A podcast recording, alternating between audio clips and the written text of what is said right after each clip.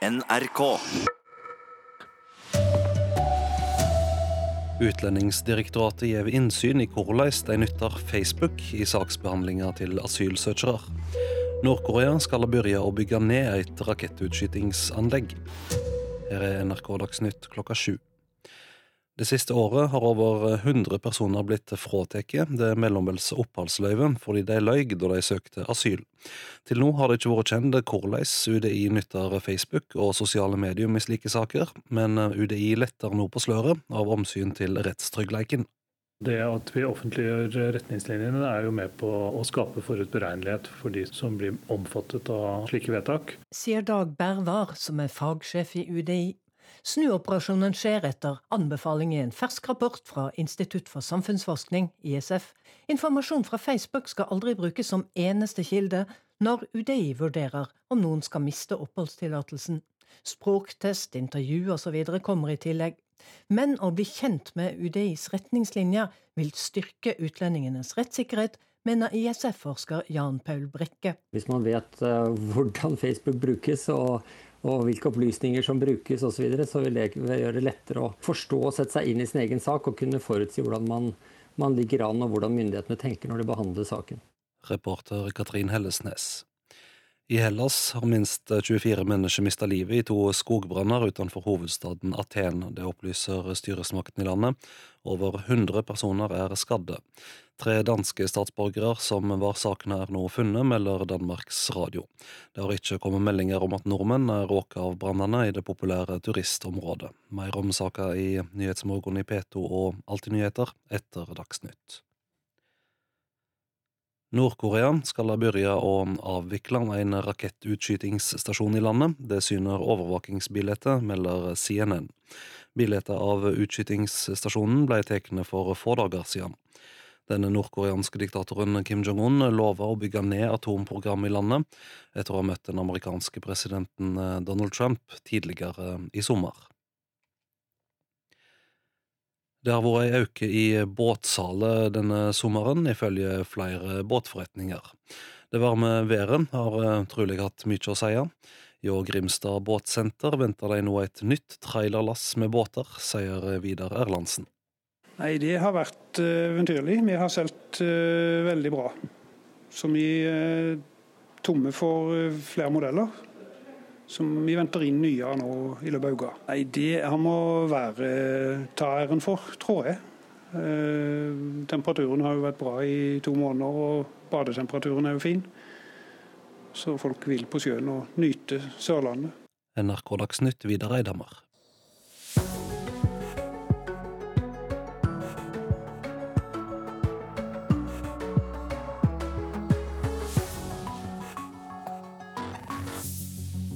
Skogbrannen i Aten er første sak her i Nyhetsmorgen i NRK P2.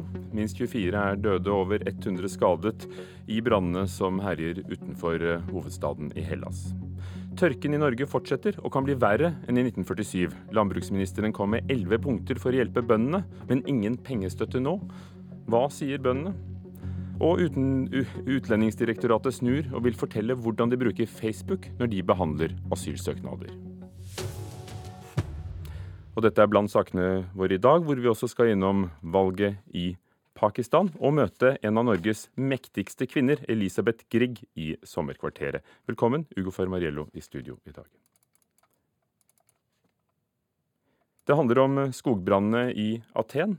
Og reporter Halvard Sandberg, eh, eh, du skal straks fortelle om hvordan det står til, men aller først eh, har vi en reportasje. Det oppsto en kaotisk situasjon på stranden ved det populære feriestedet Mati. Omtrent 25 km øst for sentrum av den greske hovedstaden. Hundrevis av mennesker flyktet ut i havet. I går kveld ble situasjonen plutselig veldig dramatisk for fastboende og tilreisende. Det som kunne ha vært en relativt ufarlig skogbrann vest for dem, ble et ukontrollerbart monster pga. vinden. Flammene ble drevet inn mot bebyggelsen i voldsom hastighet, og den spredde seg til mange punkter. Folk greide ikke å komme seg unna. Grusomme videoopptak viser forkullede lik i biler.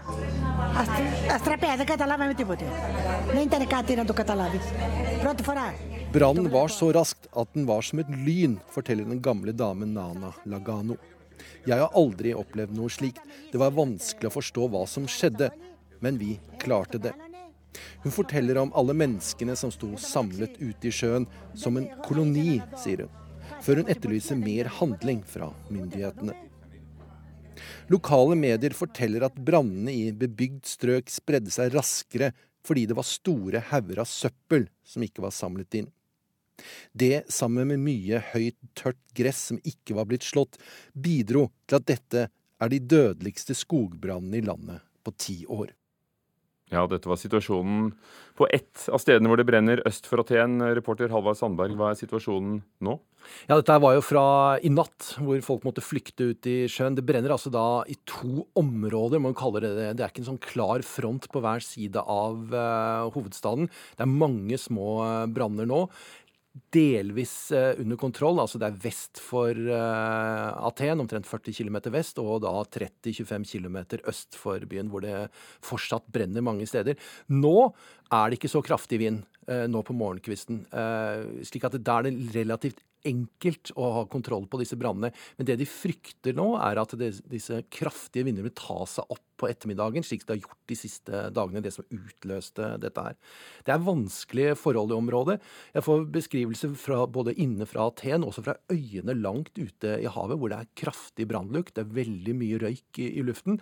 Og de, jeg har kontakt med en familie som skal inn til Aten nå. Og de forventer at det blir veldig vanskelig eh, å både være i byen og det å komme seg frem, for flere veier er stengt. Slik at det er rett og slett eh, en komplisert bilde. altså. For brannene merkes helt inn til hovedstaden? Å ja, absolutt. Altså, jeg har sett video av eh, Akropolis, altså det kjente stedet i midten av byen, hvor du kan, knapt kan se det. For det er så kraftig brannrøyk innover hele millionbyen. Takk skal du ha, reporter Halvard Sandberg. Tørken i Norge merkes nå også for industrien, og sagbrukene er blant dem som frykter konsekvensene.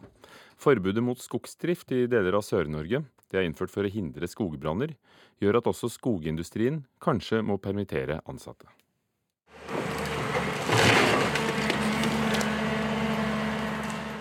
Lyden av skogsmaskin betyr som regel penger i kassa for skogsentreprenører og sagbruk.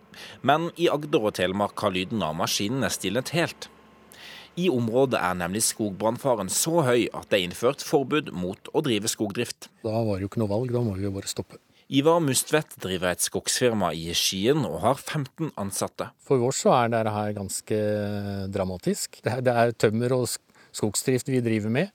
Men hogststansen rammer ikke bare skogsentreprenørene. Nå merker også sagbrukene at det kommer mindre tømmer inn. Det som blir tapt nå av produksjonstid, den tar vi aldri igjen. Jon Anker Telhaug er eier og daglig leder i Eikås sagbruk i Eiken i Vest-Agder.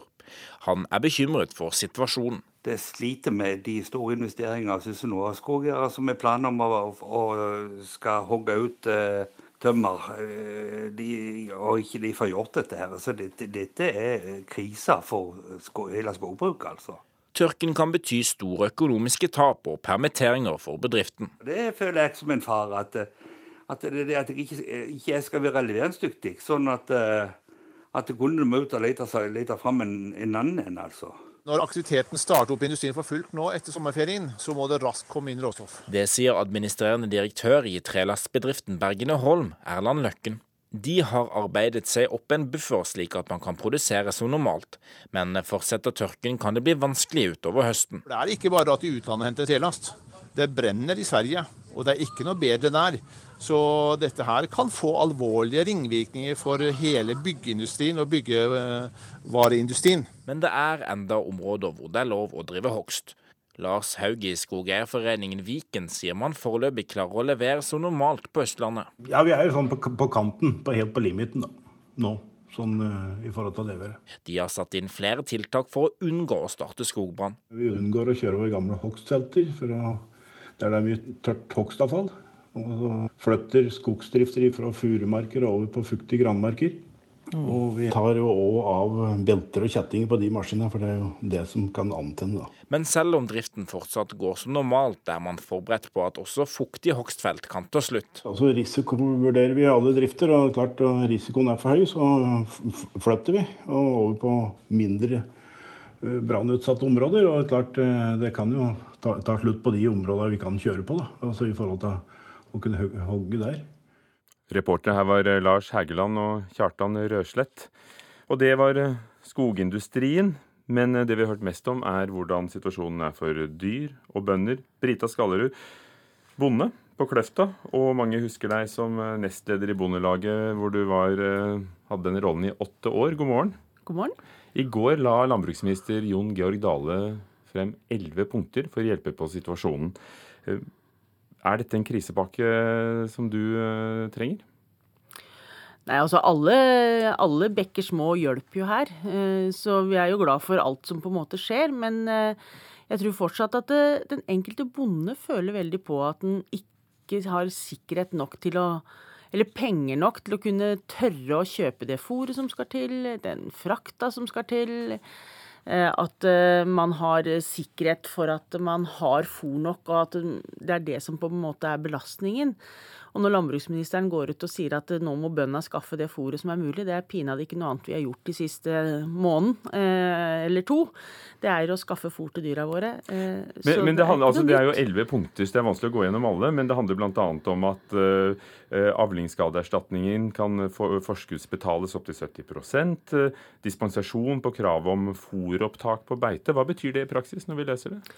Nei, Det betyr jo at vi får lov å, å fôre dyra våre på beite og allikevel beholde beitetilskuddet.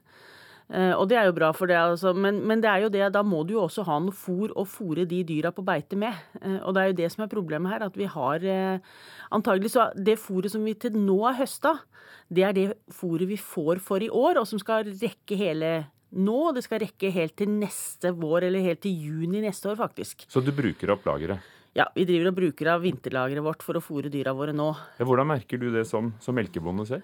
Nei, Vi merker jo at vi teller rundballer hver dag og ser om vi har nok, og hvor lenge det varer, og hvordan vi skal disponere det vi faktisk har, som er altfor lite. Så det er jo krevende. Det er slitsomt å telle opp om du har nok dyr, eller nok fôr til mange dyr hele tida. Og så merker du det veldig godt på at vi bruker mye tid på å kjøre vann, eh, beite ting vi ikke har beita før. Altså, vi jobber utrolig mye. Så det går en sånn 12-14 timers dager hver dag for å sørge for at du hele tida har nok. Og de bøndene som har vanningsanlegg, gjør jo ikke noe annet enn å vanne og vanne og vanne. Tine Meierisamvirke sier de oppfordrer melkebønder som deg å ikke slakte dyr nå.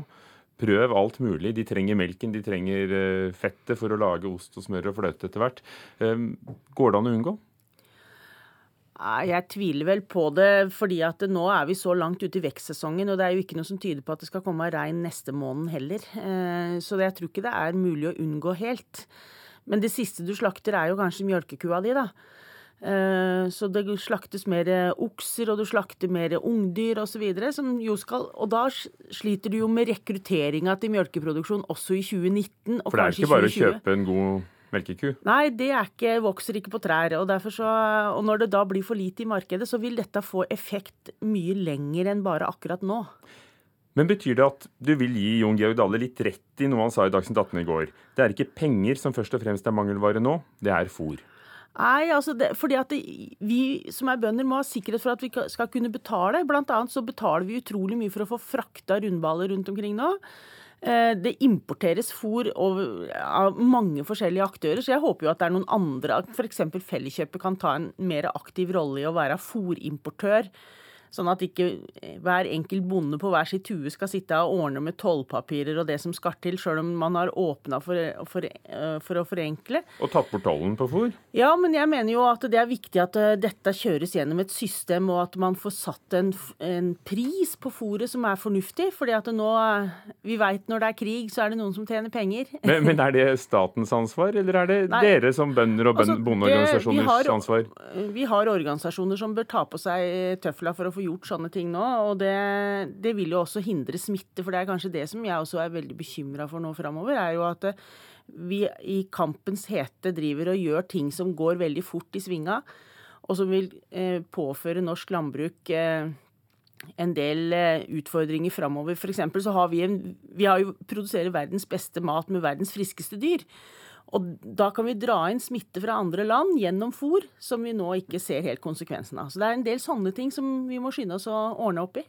Friskeste dyr kan vi kanskje måle, men de fleste bønder i alle land vil vel si at de lager verdens beste mat. Ja. Men hvis vi lar den ligge og ser på det med smitte, det, det er en alvorlig sak. Eh, men vil det, før det kommer til smitte, vil vi som spiser og drikker merke det på kvaliteten på det dere lager, at fôret blir annerledes? At, at det er en situasjon som denne?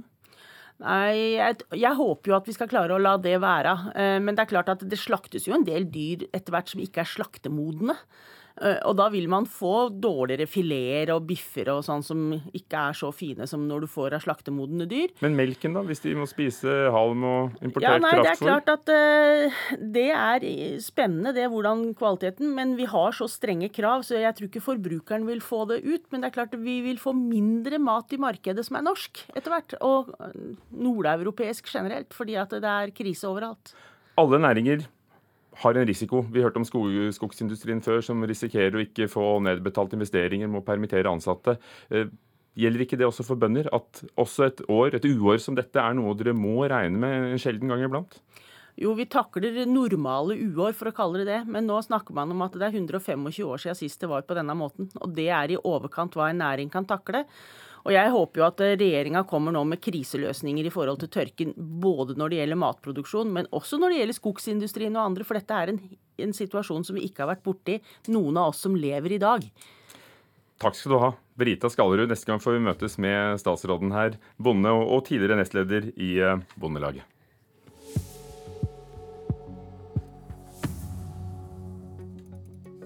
Klokken er eh, blitt godt og vel kvart over syv. Du hører på Nyhetsmorgen i NRK. Hovedsak i dag er at minst 24 er eh, døde og over 100 skadet under eh, de store skogbrannene som herjer utenfor Aten, hovedstaden i Hellas. Nord-Korea skal ha begynt å bygge ned et rakettutskytningsanlegg, viser overvåkningsbilder. Og UDI snur og vil nå fortelle hvordan de bruker sosiale medier når de behandler asylsøknader. I morgen er det valg i Pakistan, og før det valget mener kommentar, flere kommentatorer at det er åpenbart at hæren trekker i trådene for å få sin kandidat valgt. Og de militære vil at cricketstjernen Imran Khan skal vinne. Uh, Disse påstandene høres overalt nå. Og Pakistans People's Party, og partiet som sist satt med makten, den muslimske liga, ledet av Nawaz Sharif, ser med stor skepsis på denne valgprosessen, sier Matiullah Jan, som er skribent og kommentator. The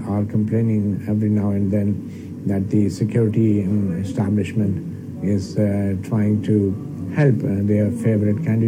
Partiene klager på at militæret forsøker å hjelpe sin favorittkandidat, og denne bekymringen vil føre til spørsmål om troverdigheten rundt dette valget, mener Jan. Imran Khan, Pakistans berømte cricketstjerne, sier på sin side at han ikke har inngått noe samarbeid med hæren. Men folk la merke til at han omtalte hæren i rosende vendinger i Karachi på søndag.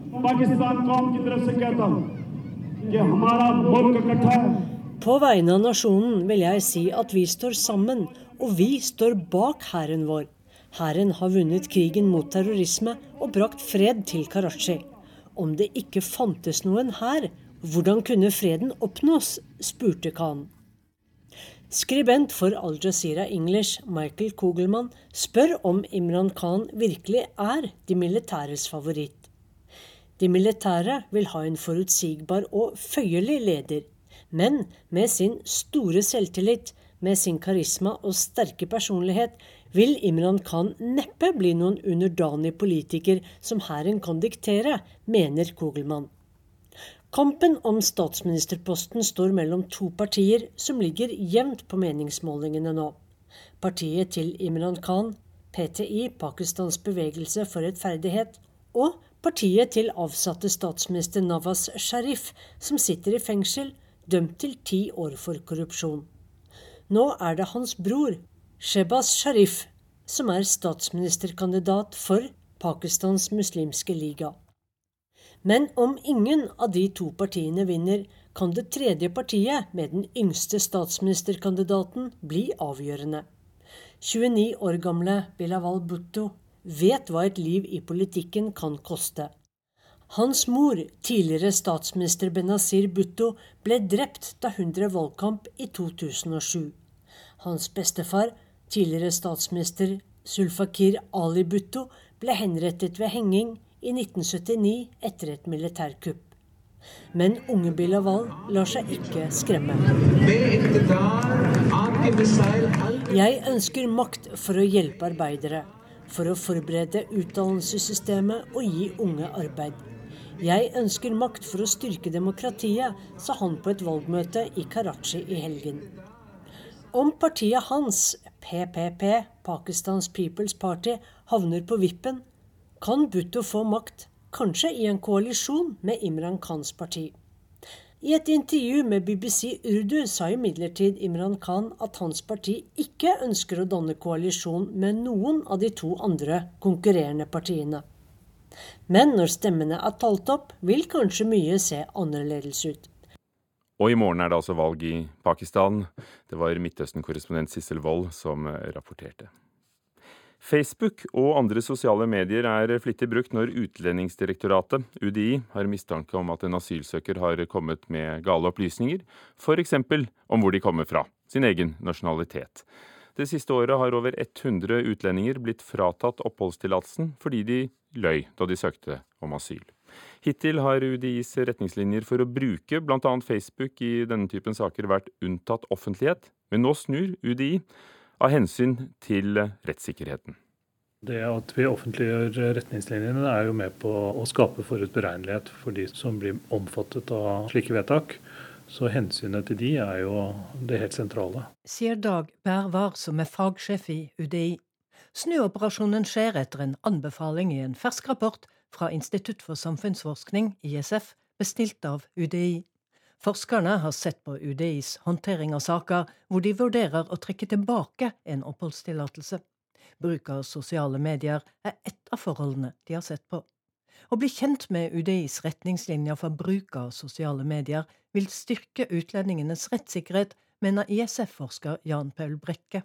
Det er, sånn, det er, et prinsipp i norsk rett om at det skal være mulig for folk å forutsi sin egen rettssituasjon, eller hvordan man ligger an, og hva det vil bli lagt vekt på. Og dette med hvordan Facebook håndteres av utlendingsmyndighetene, det vil være et sånt punkt.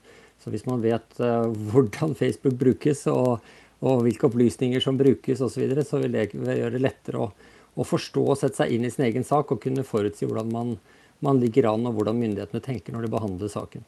Samtidig kan verdien av sosiale medier som kilde for UDI bli svekket når retningslinjene blir kjent, ifølge rapporten fordi migrantene da kan bruke Facebook strategisk for å styrke sin sak. Ja, så det er helt klart en balansegang her, og det er nok en av grunnene til at Utlendingsdirektoratet har eh, holdt tilbake de retningslinjene de har for bruk av Facebook. Fordi man ser at uh, hvis man går ut med det, så kan det hende at man får en tilpasning fra de som bruker Facebook og som er utsatt for denne typen saker, og at man da tilpasser sin egen profil og, og opplysninger som ligger der. Ikke alt som ligger ute på Facebook er sant, og informasjon derfra skal uansett aldri brukes som eneste kilde når UDI vurderer om noen skal miste oppholdstillatelsen. De må ha flere bein å stå på i en sak. Det er jo sammen med andre indikasjoner på at uh, den opprinnelige forklaringen var feil, som f.eks. Eh, en svak språktest fra asylintervjuet, litt motstrid i den opprinnelige forklaringen. Dette sammen med, med Facebook vil uh, ofte kunne være tilstrekkelig til å si at nei, denne søknaden er egentlig fremmet på uriktig grunnlag.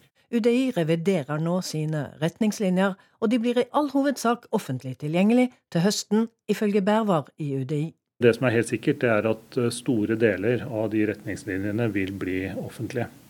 Dag Bervar, fagsjef i UDI, reporter Katrin Hellesnes.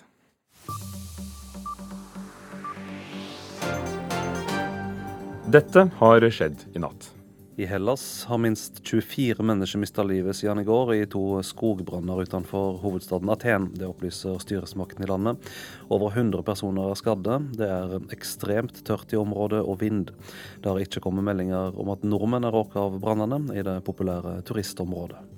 Myndighetene i Nicaragua har arrestert hundrevis av demonstranter. De krever at president Daniel Ortega skal gå av. Ifølge Nicaraguas forening for menneskerettigheter har politiet anholdt rundt 700 personer. Den 22 år gamle mannen som søndag ble meldt savna i Hjartdal i Telemark, ble funnet død i går kveld, melder politiet. Flere enn 80 frivillige var med i leitinga, i tillegg til hundepatruljer, politifolk og helikopter. NRK Nyheter kommer bl.a. til å følge med på disse sakene i dag. EU-kommisjonen kommer trolig til å legge fram nye forslag om mottakssenter for flyktninger og migranter i Europa og i Nord-Afrika. EU vil ha et system som tar hånd om flyktninger og migranter som blir plukka opp på reise over Middelhavet. I Storbritannia sliter politikerne med uenigheten om hvordan landet skal forlate EU. I dag møter brexit-ministeren Dominic Raab og statsminister Theresa May til et møte i parlamentet. I går sa utenriksminister Jeremy Hunt at det er fare for at det blir en skilsmisse uten enighet. Noen som er glade for eh, det varme og tørre sommerværet i Sør-Norge, er motorsyklister. Og det har jo den effekten at motorsykkelforhandlerne tjener penger. Det er nok å gjøre i motorsykkelverkstedet på MC-huset i Nydalen. Har du mange sykler? Ja da, det, det er det. Er det stor pågang nå som det er så fint vær? Ja, det var uh, kunder på benken utenfor jobben i dag til når jeg kom. Nå er det vel bare to mann som står og skrur nå. Per Almestrand har lang erfaring som selger av motorsykler i Nydalen. I år måtte de øke kapasiteten på verkstedet. Det som skjer, er at vi får kunder fra både Oslo og Sandefjord og rundt omkring som uh, som kommer hit for at de får hjelp tidligere. Ca. to måneders ventetid hvis du er, bor i Oslo og har motorsykkel nå. Så da kommer de hit? Det gjør de. Så det er en veldig lett og luftig alternativ. Og så har du fortsatt uh, albuebeskyttere, skulderbeskyttere og en ryggplate som sitter i jakka. Så det er fortsatt godt beskytta, sjøl om det er litt lettere og luftigere. Og den her har det gått mye av i sommer? Disse har det gått mye av i sommer. Tørr asfalt gir ikke bare kjøreglede. Det betyr også god business for eh, MC-butikken. De siste åtte-ti åra nå så har vi økt jevnt og trutt hele tida. Så eh, der ser vi på omsetninga at eh, det øker for hvert år. og en kombinasjon av fint vær og at det er billigere å kjøre en tohjuling, så, så, øker salget faktisk jevnt og trutt for hvert år. Har dere opplevd at noen kommer inn her og bare skal kikke litt, og plutselig ender opp med å kjøpe sykkel? Ja, senest på fredagen før helga så var det en som kom for å hente igjen sykkelen sin her. Han har en litt eldre sykkel. Og så oppdaga han en sykkel her som han datt pladask for, og det var over i løpet av et kvarter, så han kjøpte en sykkel til 85 000. Er det veldig sjeldent at noe sånt skjer nå? Nei, det er, eh, når det er sånn vær og sånn sommer vi har nå, så er det mange som er impulsive og, og handler brått. Nei, det er utrolig deilig. Det er helt nydelig å kjøre sykkel.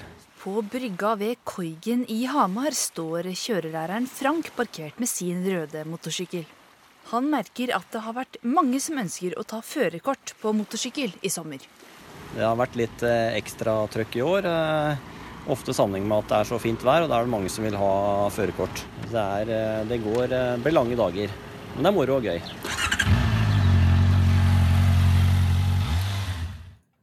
Vibeke Sedekvist i motorsykkelbutikken. Skipsreder Elisabeth Grieg regnes som en av Norges mektigste kvinner. Hun er medeier i familiekonsernet Grieg, som driver bl.a. med shipping og grønn energi. Men når hun treffer nye mennesker, presenterer hun seg ganske beskjedent. Næringslivsleder. Eh, og kanskje beskriver litt hva jeg driver med. Jeg pleier også å presentere meg som eh, kone og mor til tre barn, og nå har også fire barnebarn. Eh, det er ikke fritt for at du innimellom blir spurt, og har kommentert når det gjelder mannsroller, kvinneroller, feminisme, likestilling i næringslivet. Hender det at du ikke blir spurt om det, eller er det en sak du nesten alltid må svare på når du blir intervjuet av mediene? Ja, du kommer jo på banen ganske raskt med spørsmålet, da. Eh, det kommer nesten alltid. Det gjør det. Og vi møter Elisabeth Grieg i sommerkvarteret her i Nyhetsmorgen etter Dagsnytt om et kvarter. Produsent for Nyhetsmorgen i dag er Kari Bekken Larsen. Teknisk ansvarlig Hanne Lunås og Ugo Fermarello er programleder. Senere i sendingen skal vi også møte en etiopier og en eritreer, og høre hvordan de ser på forandringene som skjer. For første gang er det mulig å ringe og fly mellom hovedstedene. Det blir kanskje fred mellom landene?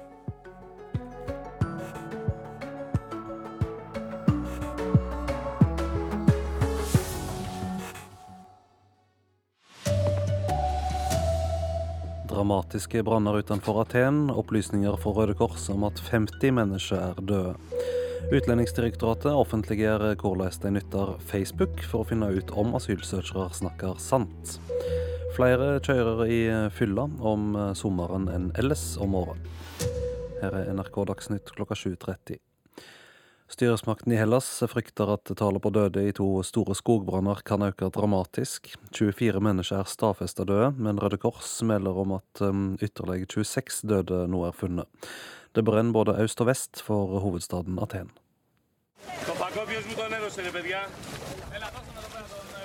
Det oppsto en kaotisk situasjon på stranden ved det populære feriestedet Mati. Omtrent 25 km øst for sentrum av den greske hovedstaden. Hundrevis av mennesker flyktet ut i havet. I går kveld ble situasjonen plutselig veldig dramatisk for fastboende og tilreisende. Det som kunne ha vært en relativt ufarlig skogbrann vest for dem, ble et ukontrollerbart monster pga. vinden. Flammene ble drevet inn mot bebyggelsen i voldsom hastighet, og den spredde seg til mange punkter. Folk greide ikke å komme seg unna. Grusomme videoopptak viser forkullede lik i biler.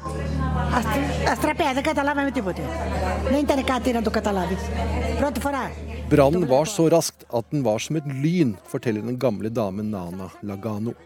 Jeg har aldri opplevd noe slikt. Det var vanskelig å forstå hva som skjedde, men vi klarte det.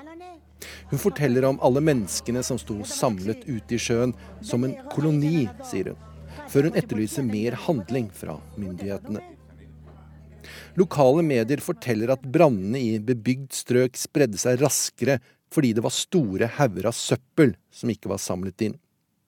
Det, sammen med mye høyt, tørt gress som ikke var blitt slått, bidro til at dette er de dødeligste skogbrannene i landet på ti år.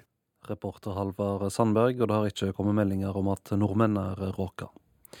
Her hjemme frykter sagbruka konsekvensene av tørka. I går ble det kjent at skogindustrien frykter permitteringer, fordi det somme steder er forbudet med drift for å unngå skogbranner. Det som er blir tapt nå av produksjonstid, den tar vi aldri igjen. Jon Anker Telhaug er eier og daglig leder i Eikås sagbruk i Eiken i Vest-Agder. Han er bekymret for situasjonen. Skogeiere som har planer om å, å skal hogge ut eh, tømmer, eh, de, og ikke de får gjort dette her. Så dette, dette er krisa for sko, hele skogbruket, altså.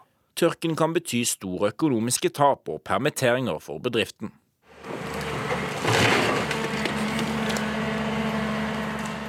Lyden av skogsmaskin betyr som regel penger i kassa for skogsentreprenører og sagbruk. Men i Agder og Telemark har lyden av maskinene stilnet helt.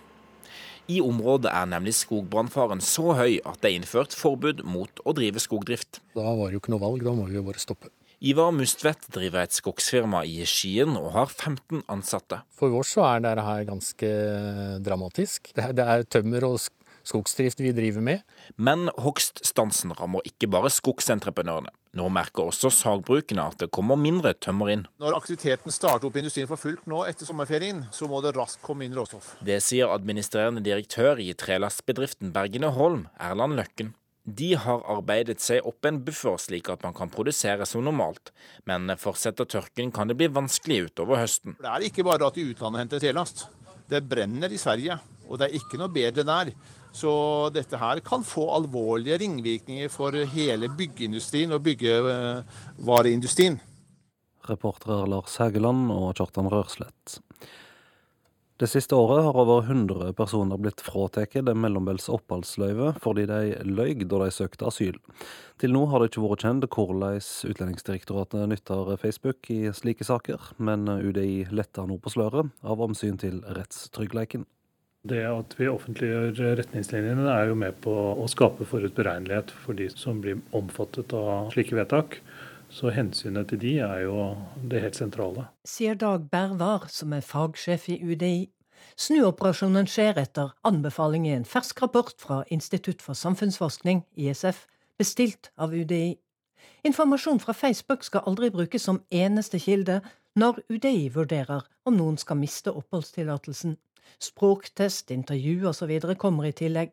Men å bli kjent med UDIs retningslinjer vil styrke utlendingenes rettssikkerhet mener ISF-forsker Jan Paul Brekke. Hvis man vet uh, hvordan Facebook brukes og, og, hvilke opplysninger som brukes osv., så, videre, så vil det gjøre det lettere å forstå og sette seg inn i sin egen sak og kunne forutsi hvordan man, man ligger an og hvordan myndighetene tenker når de behandler saken. Samtidig kan verdien av sosiale medier som kilde for UDI bli svekket når retningslinjene blir kjent, ifølge rapporten. Fordi migrantene da kan bruke Facebook strategisk for å styrke sin sak. Ja, så det er helt klart en balansegang her, og det er nok en av grunnene til at Utlendingsdirektoratet har eh, holdt tilbake de retningslinjene de har for bruk av Facebook. UDI reviderer nå sine retningslinjer, og de blir i all hovedsak offentlig tilgjengelig til høsten, ifølge Bervar i UDI. Det som er helt sikkert, det er at eh, store deler av de retningslinjene vil bli offentlige. Reporter Katrin Hellesnes. Aluminiumsprodusenten Hydro fikk et driftsoverskudd på 2,7 milliarder i perioden april, mai og juni. Det er litt svakere enn samme periode i fjor. Lavere produksjon ved anlegget i Brasil har påvirket resultatet negativt.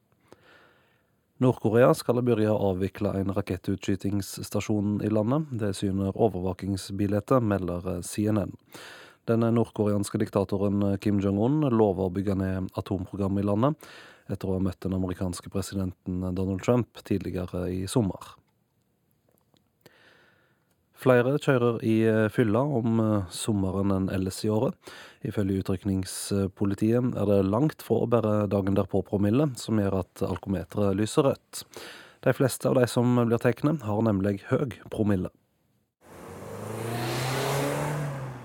Antallet anmeldelser av ruspåvirket kjøring over hele landet har økt med nesten 20% fra januar til juni i år. Og Gjennomsnittspromillen ligger på 1,5.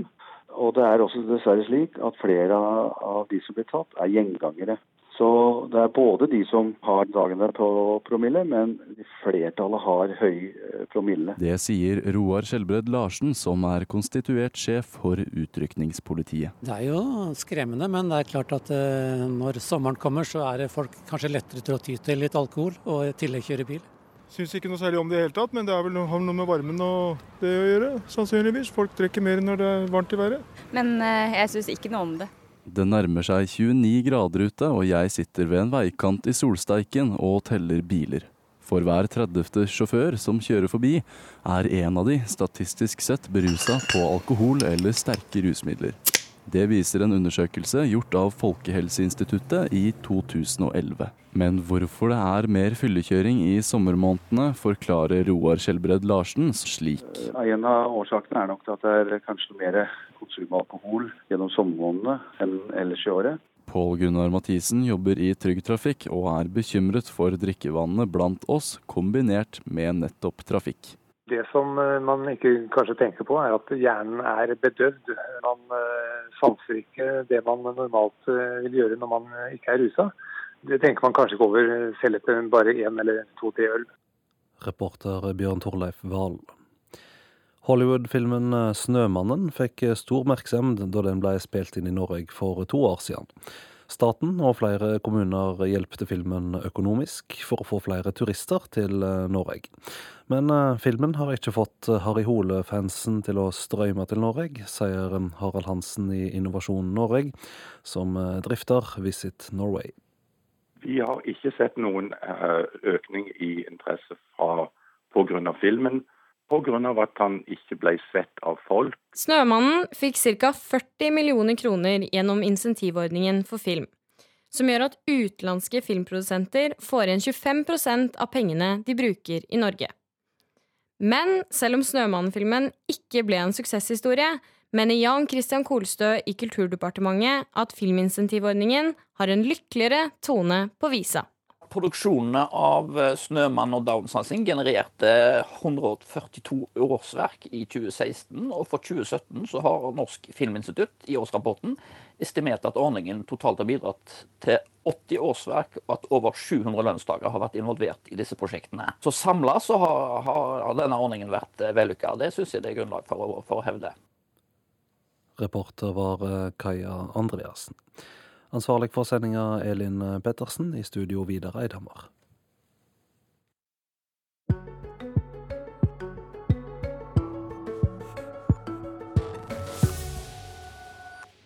I dag er det ett år siden innbyggerne i Utvik og på Breim i Sogn og Fjordane måtte rømme fra husene sine da vannmassene kom. Skadene kom på 120 millioner kroner, fra strømlinjer, veier og broer som var ødelagte, til jordbæråkre som lå øde og hjem som ble ubeboelige. Når ett år er gått, er hverdagslivet for lengst tilbake i eh, bygda, men for noen er sporene langt fra reparert. Det her var gangen. Vi balanserer på gulvbjelkene. Her går ikke det dette ned. Under føttene ser vi rett ned i steingrunnen under det hvitmåla huset ved fjorden. Det var dagligstova, da, den som vi, vi brukte. Eneste å henge igjen er lyskrona og varmepumpa. Per Inge Wærle og kona var godt i gang med å pusse opp. Så kom Flaumvatnet morgenen 24. juli i fjor. Et lågtrykk hadde bygd opp mye nedbør. Akkurat hvor mye regn som traff Utvikfjellet og rann ned fjellsidene, er vanskelig å vite. Men ødeleggingene vet vi alt om. I morgentimene fortalte Audhild Bogstad på radioen om situasjonen på Breim. Og det er skjetevann. Og fy flate, altså. Det, det, er det fineste jeg kan si. Men nå er det over bøene, det er hele elva ned nedenfor Nybenen. Nei og nei. Det er altså så masse vann at og Jeg ringte til Sunden, ja, naboen, og sa at nå kommer elva, så nå må du stå opp. Og Risholmen oppe han evakuerte, for der har den eh, tatt eh, overtak. Der, eh, der, var det fare for hus. Og verre skulle det bli. Flaumen etterlot seg raserte bruer og veier, bygninger var skylt på fjorden, jordbæråkra vaska ut, omfattende skader på strømnettet, gjørmen taut ut av kjellere. Folk sa det minna om et krigsområde. Men i huset til Wærlo og familien fatta de mot. De fikk rydda opp. Huset sto jo på tørking til eh, januar måned. og I april, begynnelsen av april da gjorde vi avtale om, eh, med entreprenør om oppåtbygging. Og i slutten av april da var det stopp. For ni måneder etter flaumen kom beskjeden fra Statens vegvesen. Fylkesvegbrua skal bygges opp igjen, og den trenger mer plass. Og dermed så fikk vi veien helt i stovevinduene. Vi ble sittende nede i ei håle, helt klin i veien. Alt arbeidet til Verlo er vekkasta. Huset må trolig rives. Han kaller dialogen med styresmaktene tung og vanskelig. Nei, den har vært lik null, i prinsippet. Vi har ikke fått noe informasjon uh, uten at vi har spurt etter informasjon. Så uh, det har vært en kamp. Hvordan oppleves det da for deg og familien din? Nei, Det, det er tøft. Det, det, er noe av det som sliter mest. Vi, det er jo heimen vår. Vi har ingen plass å bo. Eller vi har plass å bo, men vi har ikke vårt, vår egen plass å bo. Så vi lever i kassa. og... Regionsjef i NVE, Brikt Samdal, beklager at de ikke har hatt god nok kommunikasjon det er helt klart at her kan vi helt sikkert ha gjort en, en bedre jobb. Og, og tilbakemeldinger fra Verlo tyder jo på det i den sammenhengen.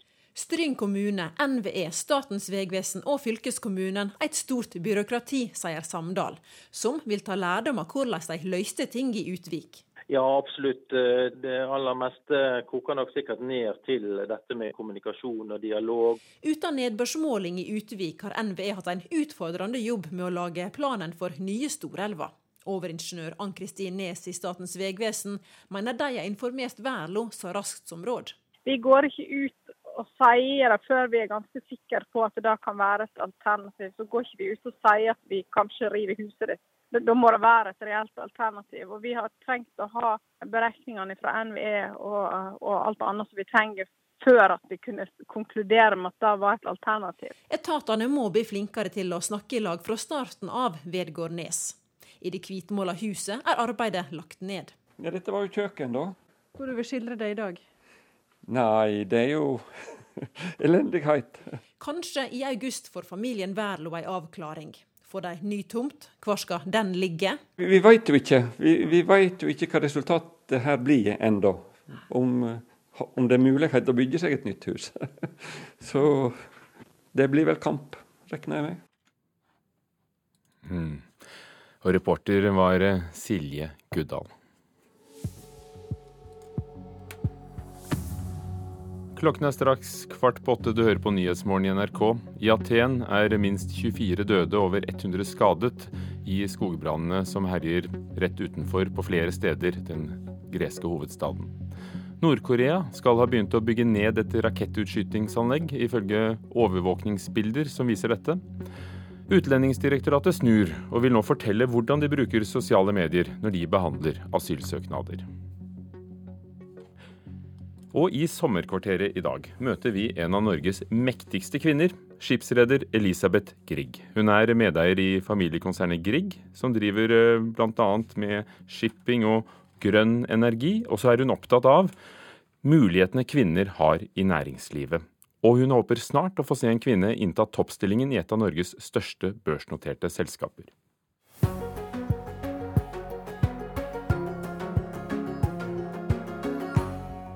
Hvor lang ferie tar du? Jeg håper at jeg skal kunne ta fire, kanskje til og med fem uker. Men eh, det kommer jo litt an på om det skjer noe underveis, og det pleier du gjerne å gjøre. Så ikke kanskje helt uavbrutt, men eh, forhåpentligvis eh, skal jeg få til å være borte fra kontoret iallfall. Og hvor ofte sjekker du da e-post når du har ferie? Litt uh, tricky spørsmål det der. Litt for ofte, tenker jeg. Men uh, jeg prøver å holde det til én gang om dagen. Syns du det er greit at folk går i shorts på jobben? jeg har meninger om veldig mye, men kanskje ikke akkurat det. Men uh, jeg ville vel kanskje være litt overrasket hvis det kom veldig mange med shorts på jobben. Men på sommeren, da må det være lov. La oss nå gå noen minutter tilbake i tid, rett før dette intervjuet på utsiden av hovedkvarteret på Aker Brygge. Hallo. Det er Espen Aas, NRK. Jeg hadde en avtale med Grieg nå klokken 11. Ja, døren er åpen. Bare gå inn. Takk. Navnet på personen jeg skal møte, er altså Grieg. Elisabeth Grieg. Hun eh, havnet i år på plass nummer 26 i Kapitals oversikt over Norges mektigste kvinner skipsreder og deleier i familiekonsernet Grieg, som driver med shipping, skipsmegling, fiskeoppdrett og vindkraft. Men hun er også kjent for å være veldig opptatt av kjønnsfordelingen i næringslivet og av miljø, og jeg skal snakke med henne om begge deler. Og det er noen svært målrettede skritt jeg hører nå rett rundt hjørnet. Hallo. Hei. Hei, Espen. Hyggelig, Elisabeth. Og møter hun folk hun ikke kjenner fra før, presenterer hun seg gjerne slik. Som Elisabeth Grieg, næringslivsleder. Eh, og kanskje beskriver litt hva jeg driver med. Jeg pleier også å presentere meg som eh, kone og mor til tre barn, og nå har også fire barnebarn. Eh, det er ikke fritt for at du innimellom blir spurt, og har kommentert når det gjelder mannsroller, kvinneroller, feminisme, likestilling i næringslivet. Hender det at du ikke blir spurt om det, eller er det en sak du nesten alltid må svare på når du blir intervjuet av mediene? Ja, du kommer jo på banen ganske raskt med spørsmålet, da. Eh, det kommer nesten alltid. Det gjør det. Men eh, det syns jeg er greit, for det er et viktig tema. Og jeg blir aldri lei av å på en måte prøve å, å bevege oss fremover også innenfor likestilling i næringslivet. Og det til tider går jo sakte, syns jeg. Eh, og til tider så er det mye positivt som skjer, og det er veldig bra. Er det den dagen vi har likestilling, når uh, en i din posisjon uh, kun blir spurt om det som handler om jobben, og ikke relatert til kjønn? For det er jo ikke sånn at veldig mange av dine mannlige kolleger blir spurt om hvordan det er å være mann. Da er vi iallfall kommet et uh, godt stykke, men jeg tror ikke det kommer til å skje akkurat i år eller neste år. Nei, for Hvis du blir spurt om å telle opp eh, hvor mange kvinnelige eh, konsernsjefer i store firmaer har vi egentlig i Norge? Ja, Det tallet har ikke jeg, men eh, det er jo ikke mange. Dessverre.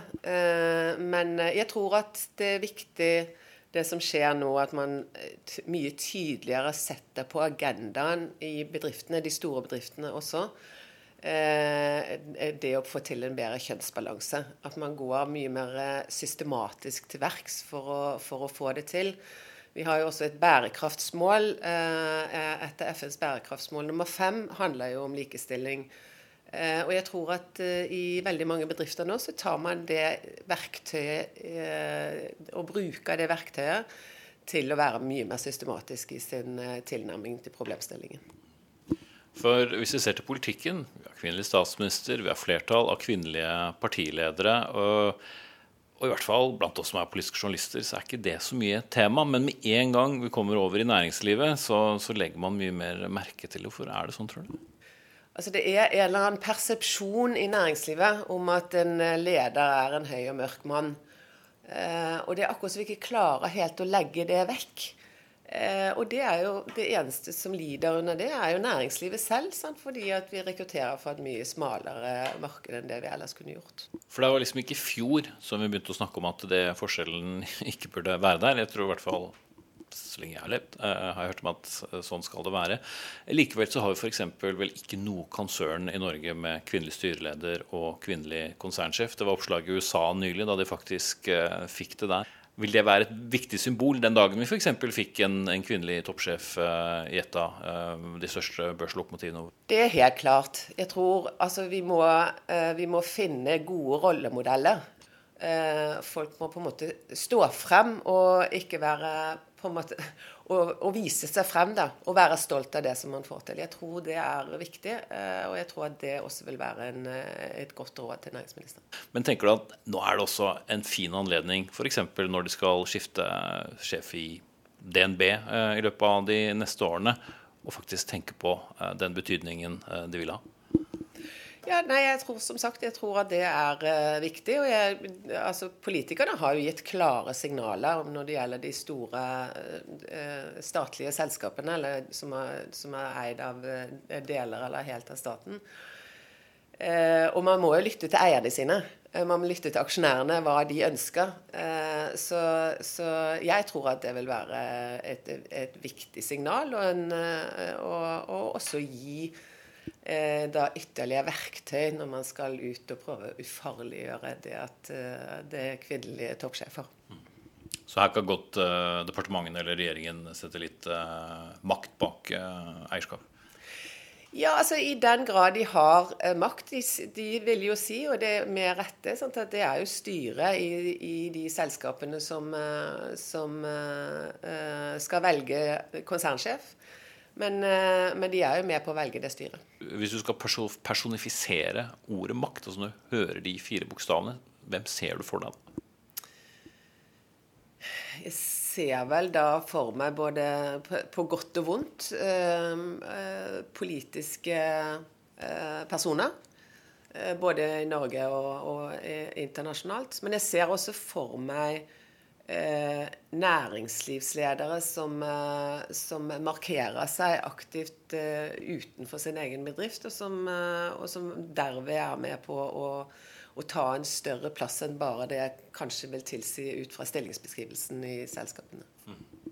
Og det er en bra ting. og At vi også kan se næringslivsfolk utenfor eh, kontorene på, på Aker Brygge eller på Vestlandet, eller, eller hvor de er. altså De er en del av samfunnsdebatten. Jeg tror det er veldig viktig, for det næringslivet har makt, og vi må være med og sette agendaen også i samfunnene våre. Tenker du ofte selv at du har makt? Ja, jeg, eh, jeg mener jo det. Du sitter jo her og spør meg ut om eh, forskjellige ting og, og, og tema som, eh, som, er viktig for oss og som er viktig for, for, for næringslivet, og som er viktig for forhåpentligvis samfunnet. Eh, og det, det ønsker jeg å bruke av den makten jeg eventuelt har, til å kunne kommunisere viktigheten av de temaene som jeg blir spurt om. Hvem har mest makt i Norge i dag? Da? Ligger den i næringslivet, ligger den i politikken, mediene? Det er vel eh, Det ligger jo mye makt i politikken. Eh, media har mye makt, og ja, eh, samfunnsliv for, for øvrig. Så, så, men eh, hvem har mest makt? Er det statsministeren? Eh, eller er det Det vil jeg vel kanskje si at det er. Gir penger makt? Penger gir muligheten til å ha innflytelse, eller makt er lik innflytelse, bare for å kalle det noe annet. Men det gjør det absolutt. Eh, denne politiske vinteren særlig har jo vært preget av uh, mer om avsløringer, om metoo. og så har vi hørt mindre om det i næringslivet. Er det fordi at der er ikke det et problem? Det må vi jo håpe at er uh, grunnen til at ikke vi har hørt mer. Uh, men det er klart at uh, det har jo vekket opp en, et, et, ønske om å være helt sikker på at ikke vi også har det i, i næringslivet og i egne bedrifter. Men, men, det kan jo synes som spesielt i politikken en spesiell kultur da, som, som, har gjort at dette har, det har vært mer av det der. Men jeg er, jo, jeg er, jo, glad for at det ikke har dukket opp mer næringsliv, og jeg håper at det er fordi at det ikke er så mye av det der. Eh, du har selv mange års erfaring fra norsk næringsliv. Hva er ditt inntrykk? Har vi hatt et metoo-problem også i norsk næringsliv? Altså, vi, nå har jo du spurt meg om uh, grunnen til at det er så få kvinner i ledende stillinger i, i norsk næringsliv. Er, er, det en av grunnene? Det at, at, at uh, vi har en kultur hvor det ikke er respekt for uh, kvinner på samme måte, og at man ikke ser nytten og, og, og, og viktigheten av at man inkluderer alle. Eh, så det kan jo i seg selv være en, en, en utfordring. Men, eh, men, jeg håper jo og tror jo at ikke det er et direkte stort problem. Men jeg vet også at i noen miljøer så er det, så er det helt klart at man, man har noen holdninger til, til kvinner som ikke er bra. Ble du overrasket over det som har kommet frem, f.eks. i politikken? Nå kjenner jo ikke jeg det indre liv i de politiske partiene, så, så på en måte så, så, var det jo overraskende. Det var jo det. Eh, og at det var på en måte såpass utbredt som det er. Så jeg håper jo nå at eh, det tas eh, grep som gjør at, at man klarer å rydde opp. Hva tenker du om si de neste fem til ti årene? Vi har noen utfordringer foran oss. En aldrende befolkning, skatteinntekter, oljeinntekter, eh, som vi vet eh, lite om. Hva bekymrer deg mest eh, for eh, AS Norge, for å bruke den klisjeen, i, i, årene som kommer? Jeg er bekymret for, eh, eller eh, opptatt av, at vi bruker nok til tid på de store utfordringene som vi har, ikke bare i Norge, men globalt sett. Eh, jeg er opptatt av at vi har fått eh, de 17 bærekraftsmålene fra FN, som alle verdens nasjoner har sluttet seg til, eh, og som Norge har tatt en aktiv rolle til. Og jeg mener at vi som bedrifter har fått et fantastisk verktøyskrin som gjør at vi kan være med på den globale dugnaden som må til for at vi skal løse de store utfordringene som vi har de neste 15-20 årene. Så for min del så handler uh, iallfall det jeg bruker av min tid, på det mer globale bildet enn bare for AS Norge. For jeg tror at det vil ha like stor innvirkning på, uh, på Norge som resten av verden. Vi kan ikke isolere oss. Vi er ingen silo. Uh, og alle sier selvfølgelig at de er veldig opptatt av dette, enten det er i næringsliv eller i politikk. Og folk flest vil vel også si det. Men uh, ja, mange har sagt det i mange år òg. Uh, tar vi grep nok? Nei, nå leste jeg akkurat en rapport uh, fra FN som viste at uh, det går for langsomt. Uh, og at vi må, vi, må, faktisk step up.